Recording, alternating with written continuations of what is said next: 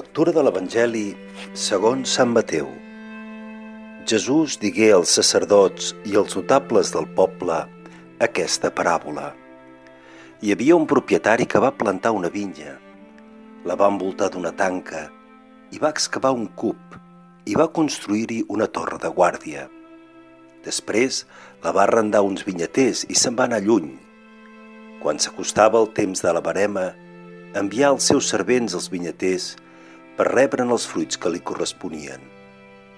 Però els vinyaters van agafar els servents i a l'un el van apallissar, a l'altre el van matar i a l'altre van apedregar-lo.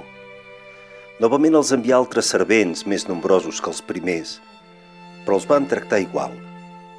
Finalment els envià el seu fill, tot dient-se, el meu fill el respectaran. Però els vinyaters, en veure el fill, es digueren entre ells, aquest és l'hereu, vinga, matem-lo i quedem-nos la seva heretat. L'agafaren, el van treure fora de la vinya i el van matar. Quan vingui l'amo de la vinya, què farà amb aquells vinyaters? Li responen, farà morir de mala manera aquells mals homes i arrendarà la vinya a uns altres vinyaters que li donen els fruits al seu temps.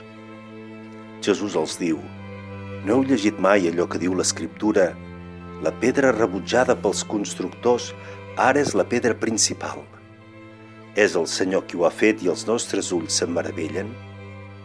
Per això us dic que el regne de Déu serà pres i serà donat a un poble que el faci fructificar.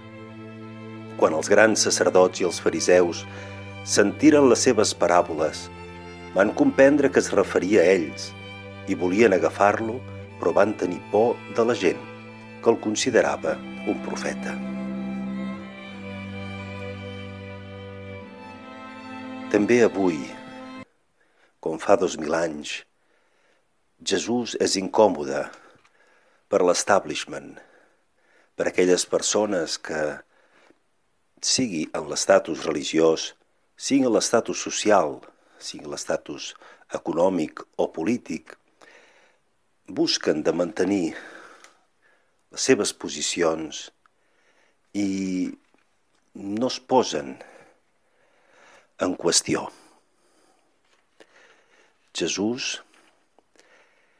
amb la seva vida, amb el seu missatge, amb la seva donació radical, ens indica que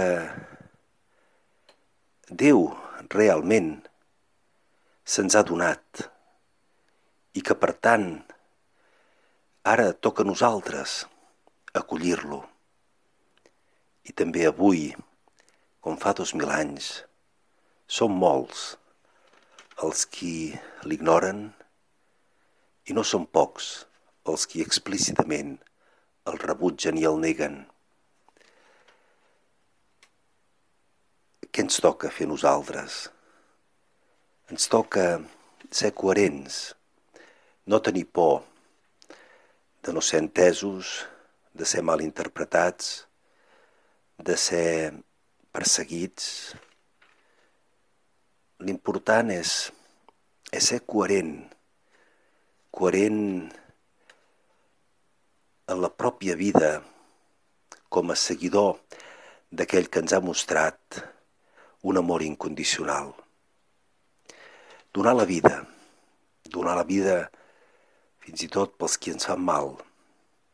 Aquest és l'amor que Jesús ens proposa, sense condicions, sense límits, per tots. Que puguem realment seguir l'escola de Jesús i que no ens faci por de donar-ho tot per ser conseqüents amb la tria que hem fet en la missió que se'ns ha encomanat.